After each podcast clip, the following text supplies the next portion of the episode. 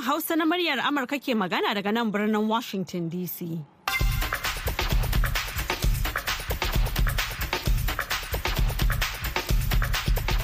Jama'a masu sauraro Assalamu alaikum barkanmu da wannan lokaci da fatan an waye gari lafiya. Maryam Dauda ce tare da Muhammad Hafiz Baballe da sauran abokan aiki muke farin cikin gabatar muku da wannan shirin na safe a yau Laraba 25 ga watan Janairu na shekarar 2023. To kafin ku ji abubuwan da muke tafa da su da farko ga kanan labarai. Amurka na shirin tura tankokin yaƙi da dama zuwa Ukraine don taimakawa a yaƙin da take yi da Rasha. Kasar Rwanda ta ce jirgin yaƙin jamhuriyar demokuraɗiyyar Congo ya karya dokokin sararin samaniyar ta. Kasar Malawi ta roƙi ƙarin allurar rigakafin cutar kwalara fiye da miliyan bakwai daga hukumar lafiya ta duniya WHO yayin da take ƙoƙarin shawo kan ɓarkewar cutar. To madalla a cikin shirin namu na yanzu za ku ji cewa yayin da wa'adin amfani da tsofaffin kuɗin naira ya rage 'yan kwanaki manyan 'yan siyasa da masu sharhi sun koka game da ƙarancin sabbin kuɗin a bankuna a wasu sassan najeriya da kuma tasirin hakan akan wasu 'yan ƙasar. Wannan abin cin mutunci ne cin zarafi ne ya nuna cewa ma ba a ƙauna talaka ba a ƙauna yan kasa an maida mu kamar awakai a wayansu sansani daban-daban in za a yi wannan abu ana ba da lokaci da mutane za su samu su canza kuɗin su zuwa sabon kuɗi Dr. Abdulrahman Abu Hamisu kenan malami a jami'ar Abuja muna tafa da ƙarin bayani nan gaba.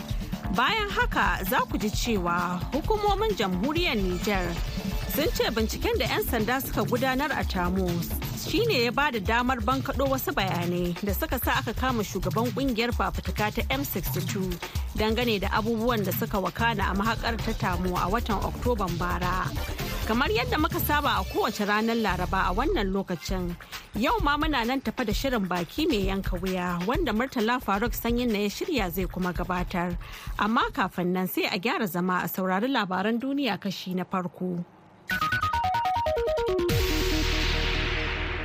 Jama'a assalamu alaikum da fatan an wayi gari lafiya ga cikakkun labaran duniya mai karantawa Muhammad Hafiz Baballe.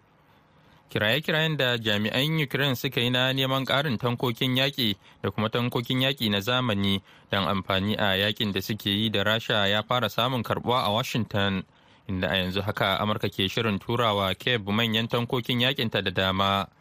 Wani jami'in Amurka da ke da masaniya kan shawarorin ya shaidawa BOA jiya talata cewa fadar white house na ƙoƙarin kammala wani shiri na ganin ukraine ta samu tankokin yaƙin kirar m1 abrams duk da cewa zai iya kaiwa wani lokaci kafin ukraine ta iya karɓa da kuma saka su a fagen daga. Jami'in wanda ya magana bisa sharaɗin a sake sunansa saboda muhimmancin shirin ya ce mai yiwuwa ne za a samar da tankokin yaƙin ta hanyar shirin taimakon tsaron ukraine na pentagon usai asusun ya baiwa ma'aikatar tsaron damar sayan makamai da tsari ko dai daga masana'antu da ke kera makaman tsaro ko kuma daga wasu wurare maimakon ɗauko su daga ma'ajiya amurka. A wannan yanayi jami'in ya ce amurka na iya neman sayan tankokin na m1 abrams daga wasu ƙasashe da kuma gyara su kafin a tura su zuwa ukraine. Gwamnatin rwanda ta faɗa jiya talata cewa wani jirgin yaƙi daga jamhuriyar demokuraɗiyyar congo ya keta dokokin sararin samaniyar ta lamarin da ya sa dakarun tsaron ƙasar suka buɗe wuta a matsayin mayar da martani. Wani faifan bidiyo da aka yada sosai a kafafen sada zumunta na congo ya nuna yadda aka harba wani makami don kakaɓo jirgin sojin da ke sama kafin ya fashe a iska kusa da jirgin wanda ya ci gaba da tafiya.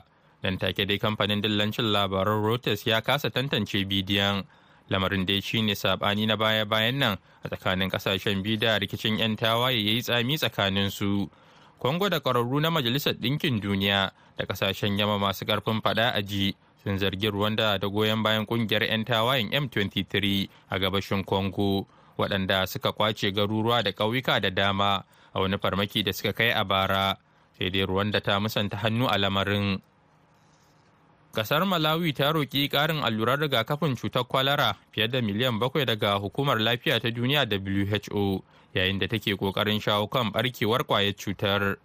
Hukumar WHO ta ba wa Malawi kusan allurai miliyan uku na rigakafin a watan Nuwamban bara, amma in yi amfani da su cikin sauri.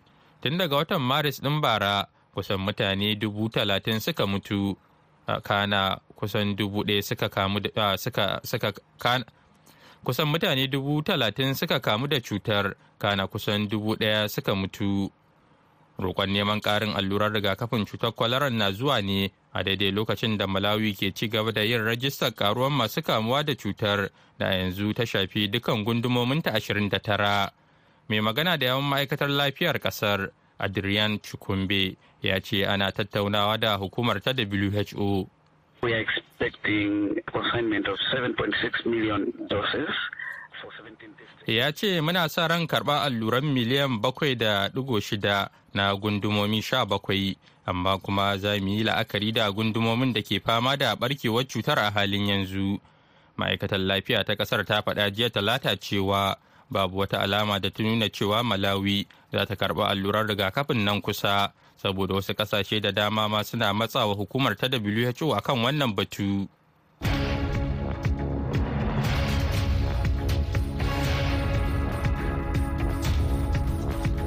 madalla kafin ku ji karashin labaran duniyar za mu leƙa ɓangaren rahotanninmu. Yayin da ya rage ƙasa da mako guda a kammala sauya tsofaffin takardun kuɗin naira dubu ɗaya da naira ɗari biyar da kuma naira ɗari biyu a Najeriya. Manyan 'yan siyasa da masu ruwa da tsaki sun koka a kan cewa har yanzu akwai ƙarancin sabbin kuɗin a bankuna musamman a birnin tarayya Abuja da wasu sassan ƙasar. babban bankin najeriya kuma na nan akan bakansa game da wa'adin na ranar 31 ga watan nan na janairu wakiliyar muryar amurka madina dauda ta yi mana nazarin wannan batu ga rahoton da ta aiko mana.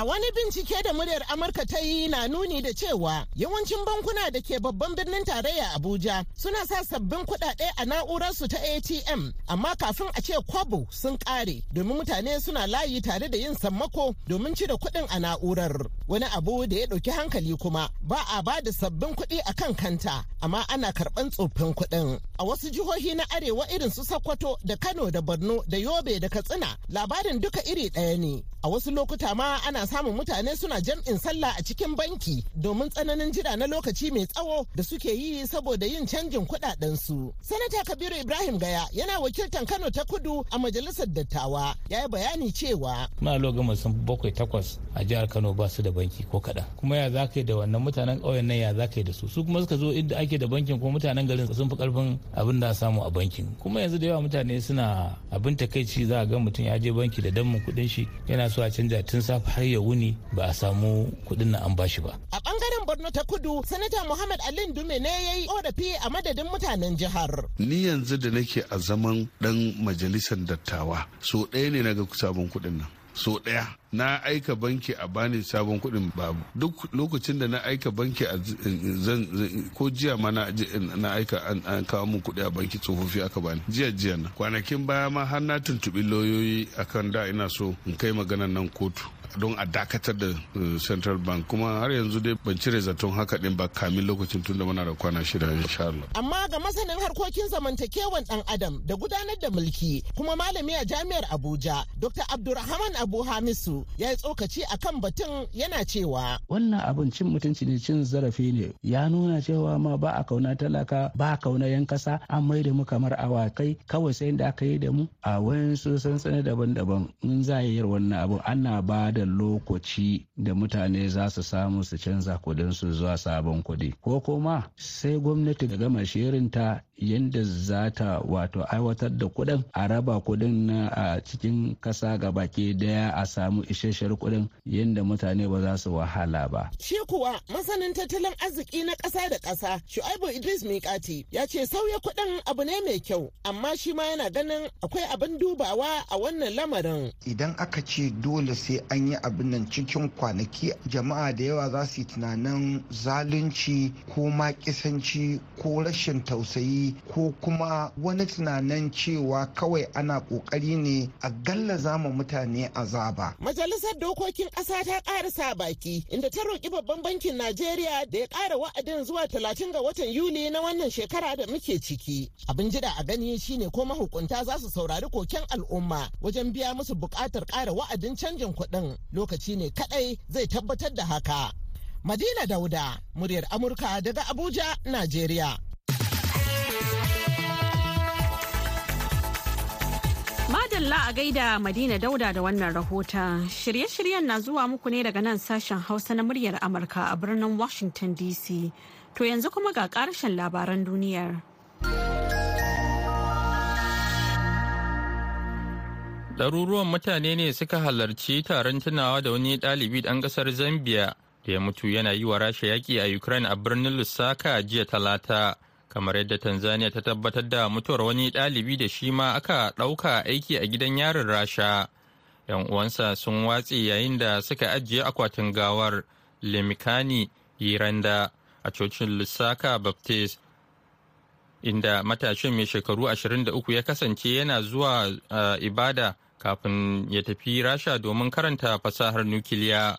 Kamfanin hayar soji na wagner na ƙasar rasha ya ɗauki randa aiki a shekarar bara yayin da yake zaman gidan yari na shekara tara da rabi saboda laifin kama shi da ƙwaya. Kana aka tura shi yaƙi a ukraine. Mutuwar tasa a watan satumbar bara ta haifar da cece kuce na diplomasiya inda zambia ta buƙaci fada kremlin da ta ba da cikakken bayani cikin gaggawa. A halin da ake ciki jiya talata ƙasar tanzania ta tabbatar da cewa an kashe wani ɗalibi mai suna ne Messi Tarimo bayan da Wagner ya ɗauke shi aiki a gidan yari. Daga ƙarshe, yayin da al'ummar jihar California da ke Amurka ke jimamin harbe-harbe guda biyu da suka yi sanadin mutuwar mutane kwanaki tsakani, shugaban Amurka Joe Biden ya nuna goyon bayansa ga matakan hana mallakar manyan bindigogi ciki har da sabunta dokar hana mallakar bindigogi ta 1994 da ya goyi baya a matsayinsa na ɗan majalisar dattawa. Shugaba biden ya faɗa a cikin wata sanarwa cewa duk da muna jiran ƙarin bayani game da waɗannan harbe-harbe mun san bala'in tashin hankalin bindiga da ke faruwa a faɗin amurka yana buƙatar ɗaukan matakai masu ƙarfi. Ina sake yin kira ga majalisunmu guda biyu da su ɗauki mataki cikin gaggawa kuma su kawo min ƙudirin hana mallakar manyan bindigogi a kan teburi na a kuma ɗauki mataki don kiyaye al'ummomin amurka makarantu wuraren aiki da gidajensu. Jiya talata harbe-harben ranar litinin a wurare biyu a half moon bay da ke jihar california ya yi sanadin mutuwar akalla mutane bakwai. Harbin ya faru ne kwanaki biyu kacal bayan da wani dan bindiga ya kashe akalla mutane sha ɗaya. A wani gidan rawa a Monterey da ke jihar California a daidai lokacin da 'yan asalin yankin Asiya da ke Amurka ke bikin sabuwar shekarar China a ƙarshen mako.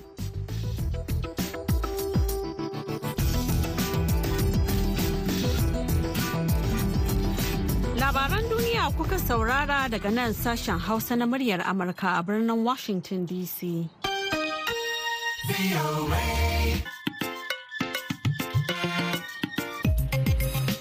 To yanzu kuma za mu sake komawa ɓangaren rahotanninmu. Hukumomin jamhuriyar Nijar sun yi karin haske game da dalilan kama shugaban ƙungiyar fafutuka ta M62 Abdullahi Sa'idu wanda a washe garin lugudan wutar da jami'an tsaro suka yi a mahakar tamu da ke jihar Talibairi ya jajirce akan buƙatar ganin an gudanar da cikakken bincike akan abin da ya kira kisan mummuken da aka yi wa farar hula.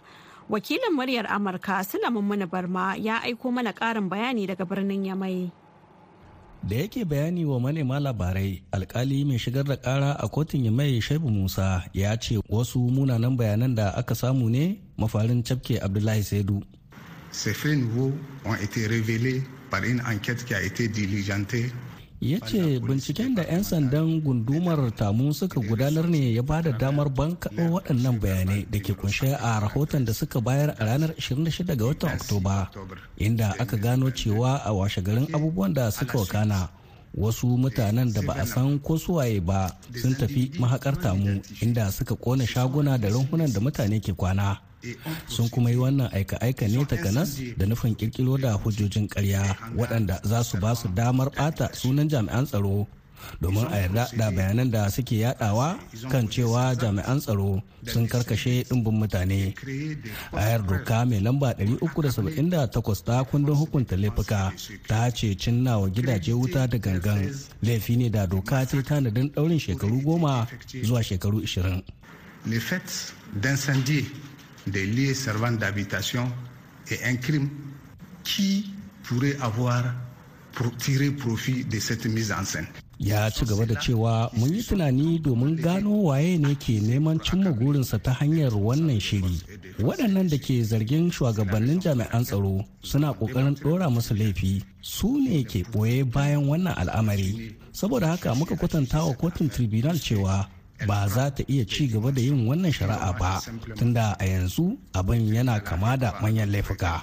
Kotun ta yi na'am da wannan buƙata ta kuma damƙa mana takardu saboda haka muka mayar da komai a hannun shugaban kotun tribunal wanne shi kuma ya damƙa abin a hannun babban alkali mai bincike wato doyen de juge Ce dernier a désigné le des juges d'instruction a cewar kusa a ƙungiyar 'yan sande falmata muktar taya wannan al'amari bita da kulli ne mahukunta suka kaddamar akan 'yan fafutuka sai dai ba zai katse musu hanzari ba.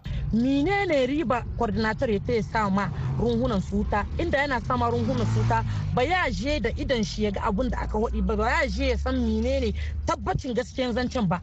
Mun yi taron sanarwa muna so mu kwatanta musu da cewa in an ajiye abdullahi a gidan maza bayan abdullahi akwai abdullahi dubu. Alkawalin da emsa sonde ta ɗauka wannan alkawali da muka ɗauka in allah sai ya amince sai mun cimma gurin mu. A yammacin litinin ne jami'an tsaro suka cafke abdullahi saidu wanda aka garkame a gidan yarin kolo jim kaɗan bayan da aka tashi daga zaman shari'ar da ke tsakanin kungiyarsa ta emsa sonde da gwamnatin nijar da suke zargi da karkashe ɗimbin fararen hula. A mahakar zinaren tamu a ranar 24 ga watan oktoba 2022 wato lokacin da jami'an tsaro suka buɗe wuta kan wasu waɗanda ake kyauta zaton 'yan ta'adda ne da ke ƙoƙarin ɓoye makaman da suka sata bayan sun hallaka 'yan sanda biyu. Sule Mumuni Barma, muryar Amurka daga Yamai a jamhuriyar Nijar. A gaida Sulaiman mana barma da wannan rahota har yanzu dai kuna tare da sashen Hausa na muryar Amurka a birnin Washington DC. Yanzu kuma ga shirinmu na gaba. Baki mai yanka wuya.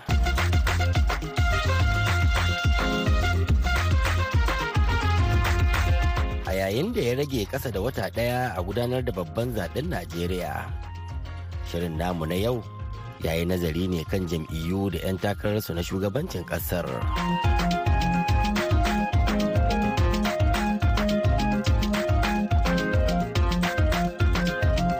Jama'a Assalamu alaikum. Jam'iyyun siyasa a Najeriya na ƙara ƙaimi, yaƙin neman zaɓe kuwa na ƙara kankama.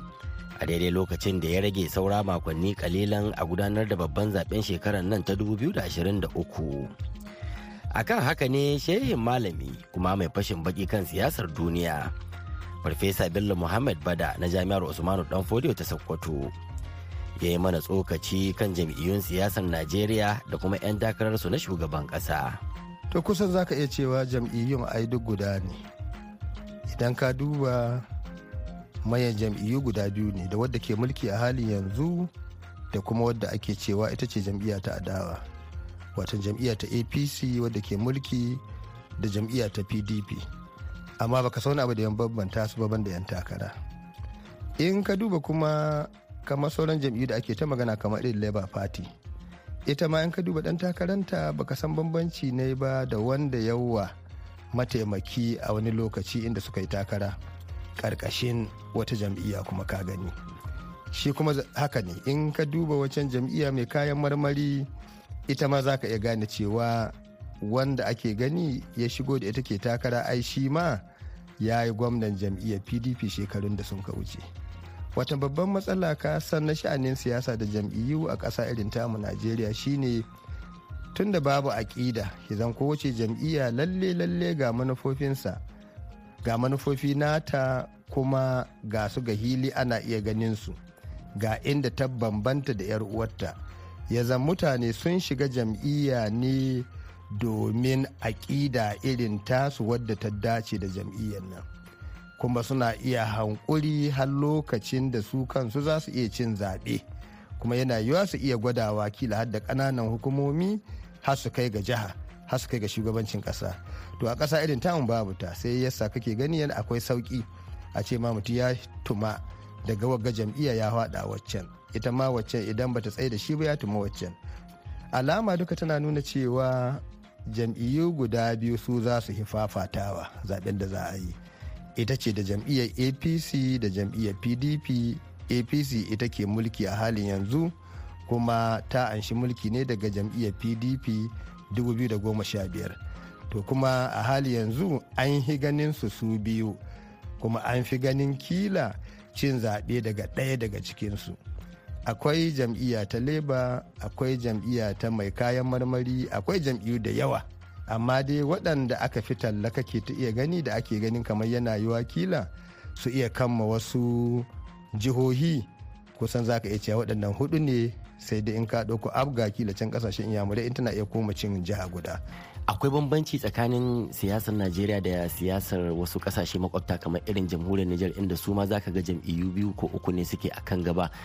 Shin su ma suna da irin wannan tsarin na najeriya inda 'yan siyasa suke ta kamar wannan tsalle suna fada wannan jam'i kamar yadda ake yi a najeriya? Shin su ma suna da irin haka ne yake faruwa a wasu ƙasashen nahiyar afirka ko duniya baki ɗaya to ka san in ka duba afirka ka dubi irin niger waɗanda suka yi mana reno daban ne. Su renon faransa ne. Kuma bakin gwargwado doka tana aiki a can kaga abin da ke faruwa. Ba su yi yawan mu ba kuma ba su yi iya rikita irin namu ba game da abin da ya shafi siyasa. To shi yasa muna da bambanci da su. Su ma kan su kan samu mutane suna canjin jam'iyyu amma ba irin canjin jam'iyyu irin na najeriya ba. Akwai masu fashin baki da a can baya suka yi ta hasashen cewa duba da yadda jam'iyyu suka zaburo a najeriya da kuma yanayin 'yan takararsu ana hasashen karon farko tun dawowar demokuraɗiyya a najeriya a shekara ta 1999 za a iya samun canjaras ma'ana sai an tafi akwai yiwuwar za a tafi zagaye na biyu na zaɓen shugaban kasa bisa ga ƙididdigar da ake yi ta wadda za ta ba wani ɗan takara nasara. Menene ra'ayinka? Kana hasashen wannan koko ya kake kallon lamarin? Hakika ne ni bani ganin wannan abu. Watan abin da ke faruwa a hali yanzu in ka duba da kyau da kyau na daidai lalle abin da ya faru shekara ta 2015 ba za a same shi ba yanzu. 2015 kamar kafin wannan lokaci shugaban kasa wanda ya ci zaɓe 2011 zuwa da 15 najeriya har dai arewacin najeriya kusan arewaci ta gabas an samu rashin zama lafiya. Boko haram ya bullo. Mutane sun ɗimauta hankalinsu ya tashi. Wasu suna ganin cewa shugaban ƙasa tun da ba na ɓangaren su ba ne wataƙila yawa abin rikonsa kai na kashi. Don ko da goma sha biyar ta kai irin wannan ɓangare da ke da masu rajista da yawa sun riga sun haɗe kansu. To sannan kuma suna ganin shugaban ƙasa wanda ke sama a hali yanzu saboda irin rawar da ya taka a lokacin da ya taho 1983 ƙarshen wannan shekara zuwa 1985 suna ganin irin rawar da ya taka. Cewa idan ubangiji ya bashi ya taho ya ci zaɓe to yana yiwuwa shi zan ya musu maganin wannan tashin hankali da ke akwai a wannan lokaci. To gaba ɗaya in ka lura sai aka haɗe kai. Shi ake ta gani. Don hakan ga talakawa suna gani ne a matsayi na gwarzonsu. To sannan su kuma waɗanda yaƙin ga ya suna gani ne kamar cewa tun da soja ne ya yi soja ya shugaban ƙasa na soja lalle zai iya taimaka musu ga wannan yaƙi. To wannan shi yasa kaga an ka samu aka zuba mishi kurugu to a halin yanzu 2023 babu wani ɗan takara ko ɗan arewa ko ɗan kudancin najeriya wanda ke da irin wannan karbuwa da kuma irin waɗannan abubuwa domin kamar dai jikin mutane su talakawan ya yi sanyi. Abin da suke zato bai faru ba. To kaga kowa zai yi iyaka tashi rawa a gehen da yake. Amma daga ƙarshe ba dole ba ne a ce sai an tafi zagaye na biyu. Watan in ka dubi siyasa irin ta najeriya daga 1999 kusan kudancin najeriya inda muke ce ma ɓangare inda 'yan kabilar ibo suka fi yawa. Daga 1999 sun fi yin jam'iyya ta pdp ba shakka abga ta bullo amma dai sun yin jam'iyya ta pdp mafi yawan gwamnoninsu duka na pdp ne. To amma a hali yanzu hitowar peter obi da da wannan ɓangare da kuma suna ganin cewa kamar ga siyasa an bar su baya watan tun da ba su iya a ce ga wani abu da suka iya yi. To shi kana gani suna da yanzu jam'iyya. Wadda ba pdp ba da suke ganin kamar tasu ce za su hito su ma a ce ga su suna da tasu. Duk da haka ba za ta iya lashe zaɓe gaba ɗaya ko ina a ƙasashen iyamurai ita kaɗai ta wadda take so ba. Haka su ma yarbawa. Ko da yake an tsaye da ahmed bola tinubu ba za a ce maka wai ƙasashen nan na ɓangare na yarbawa a cikin kasa bai za su lashe.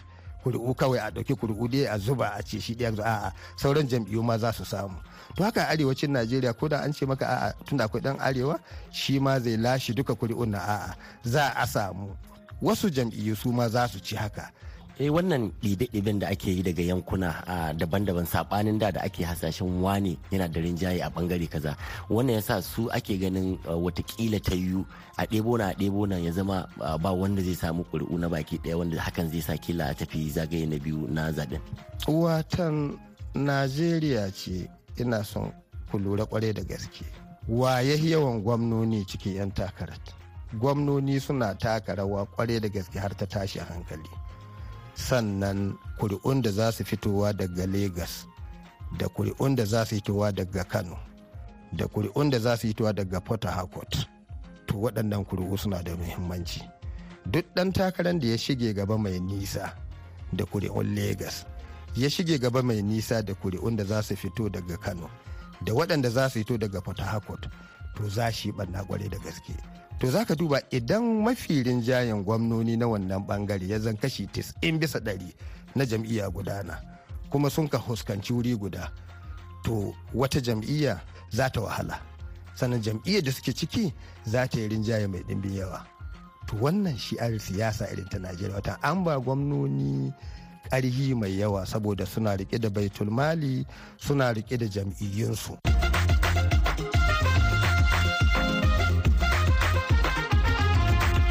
Shin menene ƙarfi ko damar da waɗannan jam'iyyun siyasa da 'yan takararsu suke da shi na lashe zaɓe kuma ina ne kowannensu yake da gibi? To sai dai lokaci ya yi mana halin nasa don haka a nan za mu dasa aya. Ku biyo mu mako mai zuwa inda za ku ji amsoshin waɗannan tambayoyin. Yanzu kama madadin shi farfesa bello muhammad ba da da muka tattauna da shi sai kuma jumbi hamza da ya daidaita mana sautin shirin. Murtala Faruk Sanyin na ke muku sallama daga sashen Hausa na muryar Amurka. Madalla a gaida Murtala Faruk Sanyin na yanzu kuma ga takaitattun labaran duniya. Kiraye-kiraye da jami'an Ukraine suka yi na neman ƙarin tankokin yaƙi da kuma tankokin yaƙi na zamani don amfani a yaƙin da suke yi da Rasha ya fara samun karɓuwa a Washington, inda a yanzu haka Amurka ke shirin turawa keb manyan tankokin yakinta da dama. Wani jami'in amurka da ke da masaniya kan shawarorin ya shaidawa boa jiya talata cewa fadar white house na ƙoƙarin kammala wani shiri na ganin ukraine ta samu tankokin yaƙi gira m1 abrams duk da cewa zai iya kaiwa wani lokaci kafin ukraine ta iya karɓa da kuma saka su a fagen daga. Gwamnatin rwanda ta faɗa jiya talata cewa wani jirgin yaƙi daga jamhuriyar demokuraɗiyyar congo ya keta dokokin sararin samaniyar ta lamarin da ya sa dakarun tsaron ƙasar suka buɗe wuta a matsayin mayar da martani.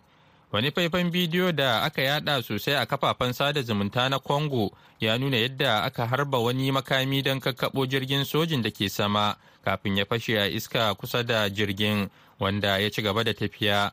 Nan take dai kamfanin dillancin labaran reuters ya kasa tantance bidiyon. Kasar Malawi ta roƙi ƙarin allurar rigakafin cutar kwalara fiye da miliyan bakwai daga hukumar lafiya ta duniya WHO yayin da take ƙoƙarin shawo kan barkewar ƙwayar cutar. Hukumar WHO ta ba wa Malawi kusan allurai miliyan uku na rigakafin a watan Nuwamban bara.